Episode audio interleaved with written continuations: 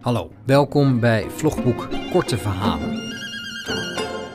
Een podcast gericht op de opvallende, bekende of gewoon mooie korte verhalen uit de Nederlandse literatuur. Bij elk verhaal horen twee podcastafleveringen. Eentje waarin het verhaal wordt voorgelezen en in de andere zal ik het kort bespreken. Zo kun je zelf kiezen of je liever eerst het verhaal wilt horen of dat je eerst wilt weten waar je allemaal op kunt letten. In deze aflevering staat het verhaal De Zelfmoord centraal van Cornelius Carolus Stefan Kronen, roepnaam Kees, auteursnaam CCS Kronen.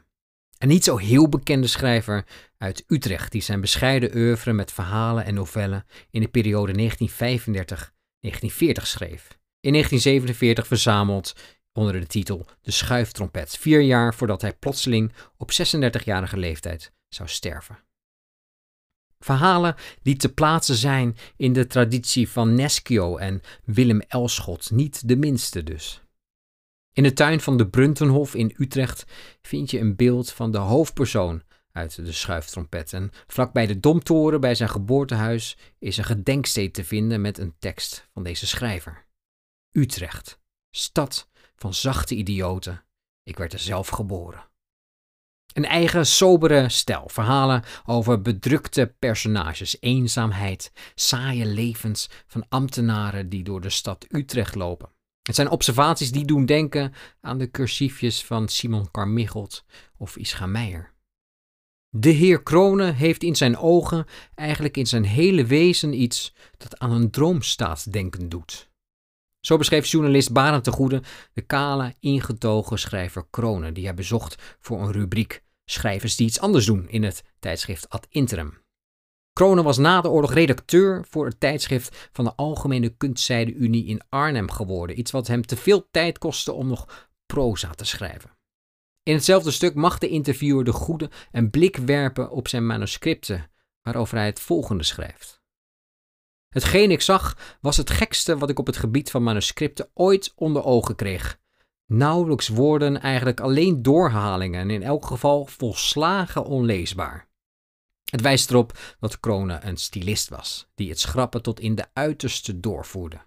Het korte verhaal De Zelfmoord bevat net iets meer dan 800 woorden en start met het veelgebruikte verhaalmotief van de dood die de hoofdpersoon komt bezoeken. In de Nederlandse literatuur vereeuwigd in het gedicht De Tuinman en de Dood van Pieter Nicolaas van Eyck, dat Kronen ongetwijfeld kende. En natuurlijk kennen we vanuit de middeleeuwen het toneelstuk Elkelik. Waar dat gedicht uitgaat van de dood die niet te ontlopen valt en het toneelstuk handelt over wat er werkelijk toe doet in het leven, speelt Kronen juist met de verwachting van de lezer. Deze hoofdpersoon, Otto van Garderen, een schrijver voor een dagblad met de symbolische naam Avondblad, moet wel gaan sterven. Hij zet notabene net voor de aankomst van de dood een punt achter zijn slotzin. Hoofdpersoon Otto is dan ook helemaal niet verrast, ondanks dat hij een vriend verwachtte. Hij was sowieso van plan zelfmoord te plegen, zichzelf te verdrinken. Zelfs zijn vriend Dolf is hiervan op de hoogte. Blijkbaar gaat ook niemand zijn best doen om hem tegen te houden. Toch is er twijfel, want op een gegeven moment moet hij maar liefst tien keer tegen zichzelf zeggen dat hij zich dan maar gaat verdrinken. De reden is dat hij is leeg geschreven. En hoe leeg dat is, wordt ook duidelijk. Hij maakt verhalen van de dingen die hij meemaakt. De klop op de deur aan het begin resulteert in een soort plotloos mini-verhaal waarbij er niemand voor de deur staat. Niet echt een topverhaal. Hij kijkt op zich wel uit naar de dood, want zo kan hij nog eens genieten van al het mooie van het leven, zoals van Klaartje. Toch lukt het hem niet om zelfmoord te plegen en daar biedt het verhaal mogelijkheden tot interpretatie. Deze schrijver kan alleen zelfmoord plegen als hij echt geen verhalen meer heeft. Zegt dit verhaal dan dat het onmogelijk is voor een schrijver om zonder verhalen te zitten? Of durft Otto gewoonweg niet en schrijft hij daarom maar verhalen? En deze interpretaties kun je tot slot koppelen aan een metalaag, want het verhaal dat het personage tot slot schrijft heet de zelfmoord, net als dit verhaal van Kronen.